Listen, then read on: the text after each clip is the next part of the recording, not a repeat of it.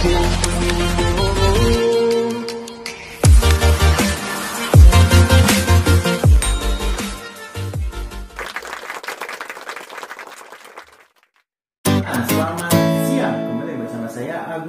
Gumelar dalam acara Beauty Podcast. Podcast yang menemani Anda.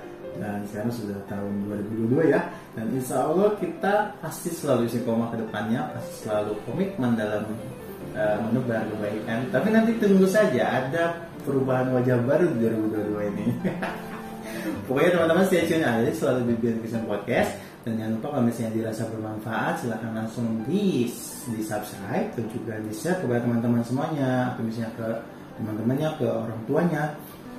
Terutama ke keluarganya Iya ya kan? Ke keluarga yang terdekat dulu aja di share silakan channel ini dan kita juga membuka berbagai pertanyaan silahkan langsung lihat di link deskripsi di bawah ini ada emailnya ada wa nya ada telegramnya dan ada juga blogspot atau untuk melihat artikel-artikel dari Beer Navigation Podcast. Dan mudah-mudahan teman-teman semua dengan hadirnya kita di sini teman-teman semuanya selalu bisa mendapatkan sebuah insight-insight baru dari kita gitu. Mudah-mudahan bermanfaat bagi kehidupan di dunia maupun di akhirat kami. Dan jangan lupa kalau misalnya ada yang aduh males YouTube gitu. atau misalnya wah ini YouTube ngabisin kuota. Ya bisa aja langsung kalau misalnya ingin hanya sekedar mengambil esensi dari suaranya saja silakan langsung dengarkan radio online. Di radio online kita sudah juga sudah ada di Spotify dan lain-lain. Silakan searching aja dengan kata kunci Beyond Education Podcast. Langsung di sana pasti bisa mendengarkan suara kita. Kita sudah upload kok setiap minggu setiap pembaruan kita upload terus di radio online Indonesia salah satunya yang terkenal adalah kalau di Android itu ada Spotify kalau di Apple itu ada yang namanya Apple Podcast. Silakan langsung searching dengan kata kunci Beyond Education. Langsung pasti ada suara kita di sana. Baik, siang hari ini bersama dengan Pak Doni. Halo teman-teman, apa kabar Gung? Sehat Pak. Alhamdulillah sehat. Gimana Gung? Apa nih mau kita bahas? Alhamdulillah nih, ini banyak pertanyaan nih Pak. Oh apa nih pertanyaannya? Terutama yang kemarin kita sudah bahas nih. Oh iya iya. iya. Tentang overthinking. Eh, overthinking. overprotective. Iya, iya, Iya. Jadi ada pertanyaan lanjutan nih Pak dari Oke. sesosok bunda sepertinya ini. Dan ini sih pertanyaan lebih menanyakan terkait masalah terkait pendapat ya, ya. Pendapat. pendapat dan pertanyaan seperti ini. Menurut Bapak atau apa pendapat Bapak tentang budaya atau pola asuh budaya Barat? Oke, pendapat saya. Iya, seperti kita ketahui kan Pak ya, kalau di Barat itu eh, bisa kita lihat lah gitu ada beberapa perbedaan dengan kita cara asuhnya. Mhm. Kayak misalnya mereka dilepas di mana, jatuh juga nggak jatuh juga nggak terlalu dipikirin gitu mau dia ke mana, pokoknya jadi kayak mandiri kayak bebas gitu kayak. Iya. Nah, bagaimana Pak menurut Bapak budaya Barat itu pola asuhnya seperti apa sih? Ya benar. Ini kalau saya melihat dari pengalaman saya dulu ya, saya sempat lama di luar. Memang kalau pola asuh ala Barat ini, anak sangat diberikan kebebasan oleh orang tuanya. Jadi anak sejak kecil diajar untuk memiliki sikap apa yang mereka ingin lakukan di dalam kehidupannya. Kadang kalau kita melihat pola asuh ala barat, kalau orang timur melihatnya ya, ini sepertinya pola asuh ala barat tidak memiliki etika. Misalnya, kalau di anak-anak ini ya yang mereka tinggal di sana, mereka misalnya ingin memanggil orang tuanya, mereka tidak perlu menyebut ayah bunda, Hmm, langsung aja panggil namanya. beda gitu dengan di kita ya Pak. Beda. Malahan kalau kita ini ya tidak lama tinggal di sana, kita malahan melihat orang-orang di barat ini tidak memiliki tata krama. Hmm, pola asuhnya mungkin dari kecil berbeda juga kali. Iya. Hmm. Karena pola asuh yang ditekankan para orang tua di barat itu bahwa anak itu sejak kecil harus mandiri. Jadi mereka ini dibiasakan sejak kecil malah ini ya di usia-usia masih bayi mereka sudah tinggal um, dan memiliki kamar hidup sendiri gitu ya jadi mereka ini tidak ditemani lagi oleh orang tuanya di di dalam kamar. Jadi mereka ini sudah sejak usia anak-anak terbiasa gitu dilatih oleh orang tuanya. Agar mereka ini ya ketika besar sudah terbiasa gitu tanpa uh, campur tangan orang tuanya dalam kehidupan mereka. Jadi orang tua di barat ini mereka hanya sebagai bisa dibilang uh, mentor. Ya. Mereka bisa orang tua orang tua barat ini diajak berdiskusi ya mengenai apa saja gitu. Malah mereka nggak sungkan sampai membicarakan masalah yang sensitif ya seperti misalnya seks gitu mm-hmm. orang tua barat tidak ini uh, menutup diri oh jadi memang ada apa sih perbedaan karakter gitu ya iya perbedaan budaya memang budaya, ya, uh, karena budaya orang-orang barat itu kan mereka menginginkan setiap orang itu bisa mengungkapkan hmm. isi pikirannya gitu hmm. tanpa adanya penghalang gitu. Hmm. Jadi ketika orang tua dikritik oleh anak, orang tua orang tua di barat mereka tidak keberatan. Oh. Iya. Beda dengan kita. Ya? Beda. Kalau di kita kan ya mikir dua kali anak mau kritik orang benar, tua. Benar. Kayak misalnya ya mama saya gitu kan ketika mau dikritik kan kita harus cari cari bahasa yang pas atau mungkin kita malah nggak berani iya kalau anak-anak barat mereka karena diajarkan dari kecil ya kayak gitu uh, hmm. untuk terbiasa mengeluarkan isi hatinya hmm. akhirnya ya sudah mereka langsung uh, the point saya misalnya saya nggak suka begini. Mereka langsung direct ke orang tuanya. Dan orang tuanya juga bisa menerima gitu. Mereka tidak marah gitu. Ya sejak kecil anak-anaknya sudah dididik seperti itu kan. Jadi kalau misalnya mereka sudah dewasa kelak ya wajar gitu. Kebiasaan itu terbawa. Nah tetapi di sini memang pola asuh ala barat ini pasti ada kelebihannya juga ada kekurangannya hmm. bukan pola asuh yang sempurna juga hmm. ya. jadi kalau saya melihat ketika kita uh, melihat nih orang-orang barat gitu dalam mendidik anak-anaknya kita bisa ambil hal yang positifnya kita buang hal yang negatifnya ya jadi jangan kita benar-benar uh, adopsi secara 100% gitu hmm. pola asuh mereka hmm karena ada sebagian yang memang tidak cocok dengan budaya timur. Tidak relevan. Nah, hmm. Kalau kita tetap berikan, akhirnya nanti anak kita jadi aneh sendiri. Apalagi kalau mereka masih hidup di Indonesia, hmm. ya di negara yang memiliki budaya timur. Hmm. Nah, jadi di sini para orang tua nih, ya apalagi bertanya ya mengenai pendapat saya mengenai pola asuh ala Barat kita ambil hal-hal yang positifnya. Misalnya cara kita sebagai orang tua membuat anak kita bisa hidup mandiri. Itu penting. Karena yang kita lihat ya kalau orang tua orang tua yang memiliki pola asuh ala timur, hmm. Mereka kecenderungannya itu seperti memanjakan anak. Hmm. Ya.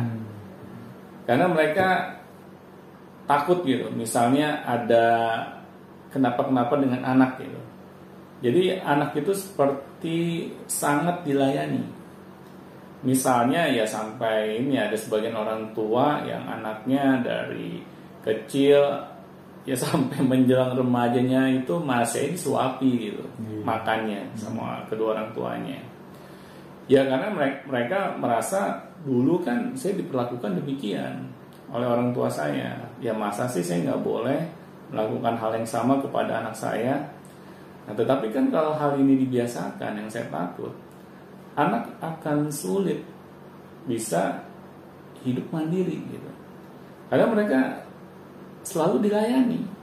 Beda dengan anak-anak ini ya yang uh, di treatment dengan pola asuh ala barat ya.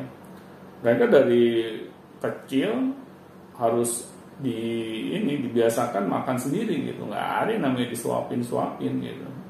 Pokoknya mereka disediakan uh, meja makan khusus ya dari kecil dan mereka diajarkan untuk menggunakan alat makannya dan sudah dibiarkan oleh orang tuanya makan sendiri mau mereka makannya aut-autan atau ya bikin berantakan mejanya dibiarkan karena itu suatu proses gitu dari orang tua dalam mendidik anaknya agar mereka terbiasa gitu.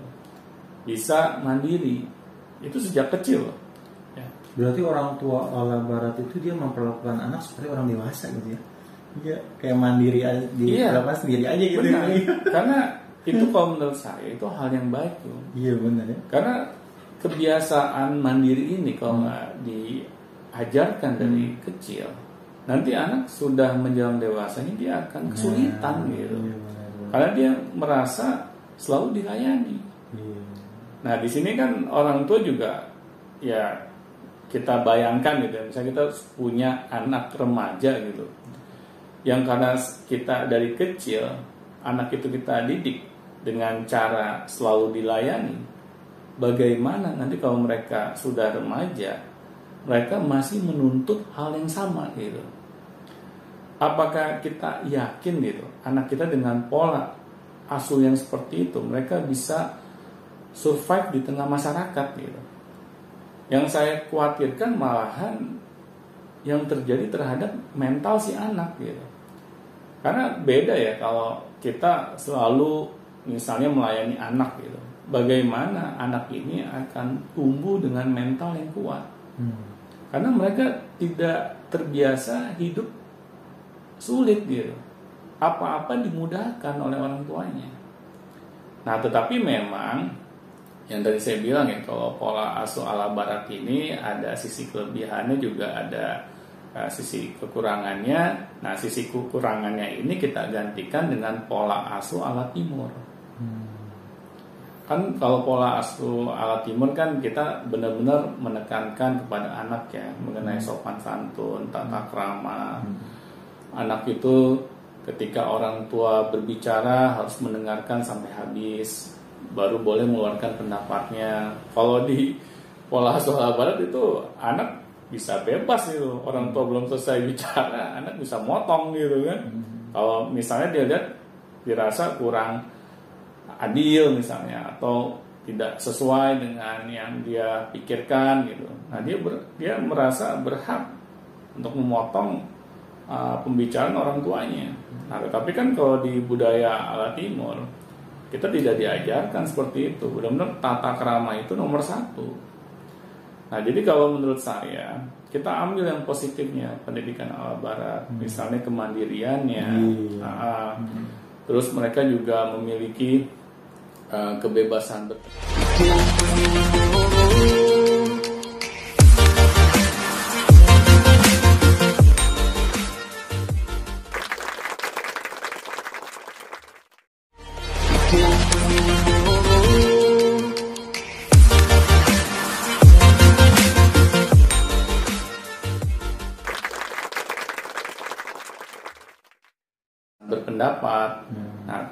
Tetap dibatasi oleh pola asuh ala timur. Jadi ketika mereka boleh berpendapat bebas, kita tidak melarang anak kita mengeluarkan pendapatnya. Tetapi anak juga harus tahu diri gitu. Hmm. Dia harus mau mendengarkan hmm. lawan bicaranya. Bukannya dia uh, ingin semau gue gitu jadi pokoknya apa yang saya ingin utarakan ya harus saya utarakan dulu tanpa saya mau mendengar lawan bicara saya. Nah itu yang kita jangan ajarkan kepada anak gitu. Ajarkan kepada anak kalau menurut saya itu kombinasi gitu, dari pola pendidikan ala barat dengan pola pendidikan ala timur. Ya. Kalau itu yang kita lakukan, akhirnya anak kita ini bisa menempatkan dirinya pada hal yang tepat gitu. Mereka memiliki jiwa mandirinya. Mereka juga memiliki jiwa kebebasannya. Tetapi di saat yang sama mereka juga tahu bagaimana uh, melakukan hal itu semua di momen yang tepat gitu. Jadi tidak kebablasan. Nah kan kebanyakan kalau anak tidak diberikan aturan main ya, akhirnya mereka kan merasa ya bisa seenaknya gitu.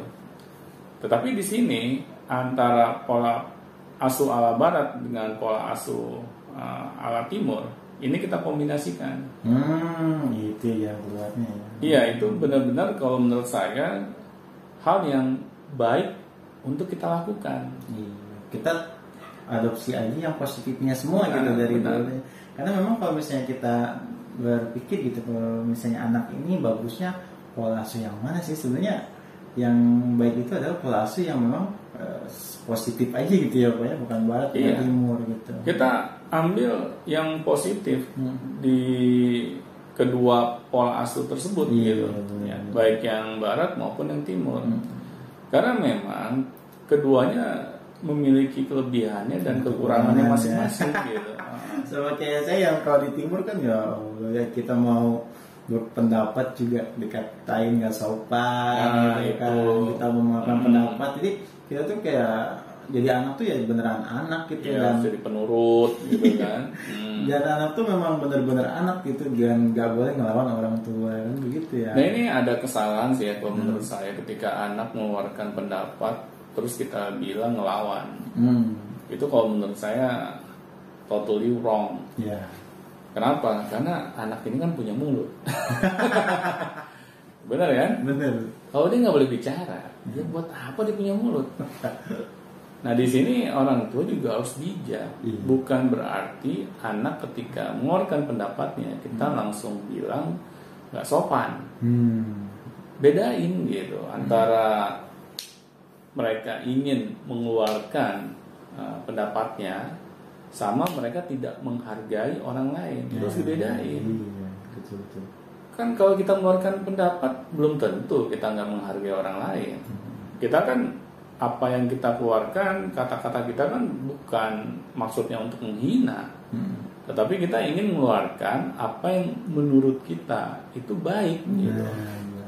Tapi pada nyatanya ya anak mah tahu apa sih katanya. Nah, itu itu kesalahan yang saya lihat masih ada sebagian orang tua yang melakukan itu gitu. Akhirnya kan itu mematikan potensi anak tuh. Hmm. Ya bagaimana anak itu bisa berkembang potensinya kalau tidak dirangsang agar mereka mau berpikir. Tapi kalau kita larang anak untuk mengeluarkan pendapatnya, ya berarti kita melarang mereka untuk berpikir. Nah di sini kan kita sebagai orang tua nggak bijak. Hmm. Katanya pengen anak sukses di masa depannya, Iya. tapi pola asuh kita kayak begitu. Bukannya membangkitkan potensi anak, malah mematikan potensi anak. Karena kan potensi itu dapat berkembang kalau anak ini mau mikir gitu. Tetapi kalau anak nggak mikir, anak hanya disuapi, ya semua keinginannya dia langsung dipenuhi, apa-apa dilayanin. Jadi kan anak itu nggak berpikir gitu. Malam itu kita mematikan potensi si anak. Iya memang anak itu jadi anak yang penurut. Tapi kalau menurut saya dia menjadi anak yang mohon maaf ya, Hmm. anak yang bego. Iya, kurang berpikir gitu. Iya benar. Dan yang saya takutnya ketika dia harus terjun ke masyarakat, dia nggak siap gitu. Karena selama ini dia merasa hidup enak gitu. Hmm. Semuanya serba dilayani, semuanya serba disuapi. Apa yang dia inginkan selalu ada. Hmm. Dan akhirnya kan daya juangnya kita Ya, hancurkan ya. gitu. Nah ini kan yang menjadi masalah gitu. Kan kita nggak bisa selamanya hidup bersama anak kita. Apalagi kalau anak kita sudah semakin besar ya, dia semakin memiliki tanggung jawab yang besar di dalam hidupnya. Ya bagaimana dia bisa mengambil alih kehidupannya kan? Kalau orang tuanya itu selalu di sisinya dia gitu. Ya, karena kalau misalnya lihat orang-orang barat ya misalnya Hmm. ya sekilas dari film atau dari cerita orang-orang gitu kan anak-anak umur berapa tahun sudah belajar eh, mengurus dia punya tempat tidur gitu Iya. kan. dia udah sendiri makan sendiri terus pakai baju sendiri juga itu udah baru umur tujuh apa delapan gitu dalam Iya, seperti iya, itu iya. gitu. Ya karena mereka diajarkan untuk bertanggung jawab Hmm. terhadap kehidupannya. Hmm. Orang tua Barat itu mengajarkan pada anak, kami ini nggak bisa selamanya hidup bersama kamu. Hmm, jadi kamu harus tanggung jawab atas hidup kamu. Iya. Nah, itu kan sebenarnya hal yang baik. Hmm. Kalau kita latih kepada anak-anak kita ya cara-cara seperti itu, akhirnya anak-anak kita ini ketika mereka anak kelak dewasa ya, mereka tidak gampang lagi gitu. Mereka tidak merasa memerlukan pelayanan orang tuanya terus menerus gitu. Nah, iya. Karena mereka sudah merasa besar. Ya saya sejak kecil aja dididiknya seperti itu, ya apalagi umur saya seperti saat ini kan, saya nggak perlu dilayani-layanin gitu. Saya bisa menentukan keinginan saya, saya maunya apa gitu. Karena saya sudah dibiasakan oleh orang tua saya, diajarkan untuk mandiri. Nah, jadi ambil yang positifnya, tapi buang yang negatifnya. Iya, kadang negatifnya juga ada juga tuh yang cerita-cerita juga dari Facebook lihat-lihat dia orang barat itu kalau udah gede itu kayak nggak sopan aja gitu kalau misalnya dia udah punya eh, penghasilan gitu sama orang tua tuh udah kayak nggak nganggep aja gitu kadang ada Nah gitu. itu berarti kan memang ada hal yang negatifnya kan. iya dia terlalu bebas kayaknya Nah. Nah itu yang kita ajarkan kepada anak kita tata krama nah, bahwa nah kamu itu boleh menjadi orang yang sukses, tetapi kamu juga harus menjadi orang yang memiliki akhlak yang baik. hmm, Jadi jangan sampai kita timpang gitu. Di satu sisi kita ajarkan nih kemandirian kepada anak habis-habisan. hmm, Oh, anak kita akhirnya kan sukses lebih cepat gitu. hmm, Malah dia bisa mengalahkan teman-teman yang lain di usianya yang sama, tetapi kurang ajar. ya, iya orang tuanya dikecilin gitu kan. Gue nih kayak gini nih, bukan akibat lo pada. Wih, kita dengarnya gimana coba? Gue yang nyekolahin lo, gue yang bayarin lo gitu kan. Tapi pas udah mereka dewasa, mereka kayak nganggap kita sepele kan. Pedih juga hati orang tua kan. Nah itu yang kita coba jangan sampai terjadi gitu. Ya makanya dengan kombinasi antara pola asuh ala barat dengan pola asuh ala timur. Agar apa? Agar anak kita ini bisa menjadi manusia yang seutuhnya gitu. Di satu sisi mereka memiliki kemandirian, daya juang, tetapi di sisi yang lain mereka memiliki akhlak yang baik. jadi solusinya kita combine dan cari yang positifnya Iya, Gitu, pastinya seperti itu. terima kasih Pak Doni Sama-sama.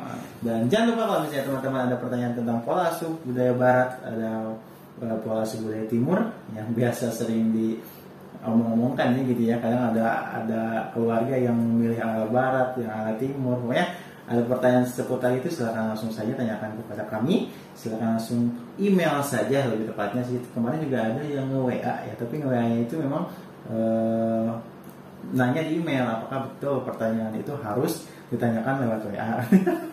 Jadi saya juga bingung. Dia eh, beliau mengemail, tapi dia menanyakan nomor WA. Gitu. Padahal langsung aja di email saja langsung pertanyaannya jelaskan di situ saja. Jadi biar lebih cepat ya. Iya. Baik.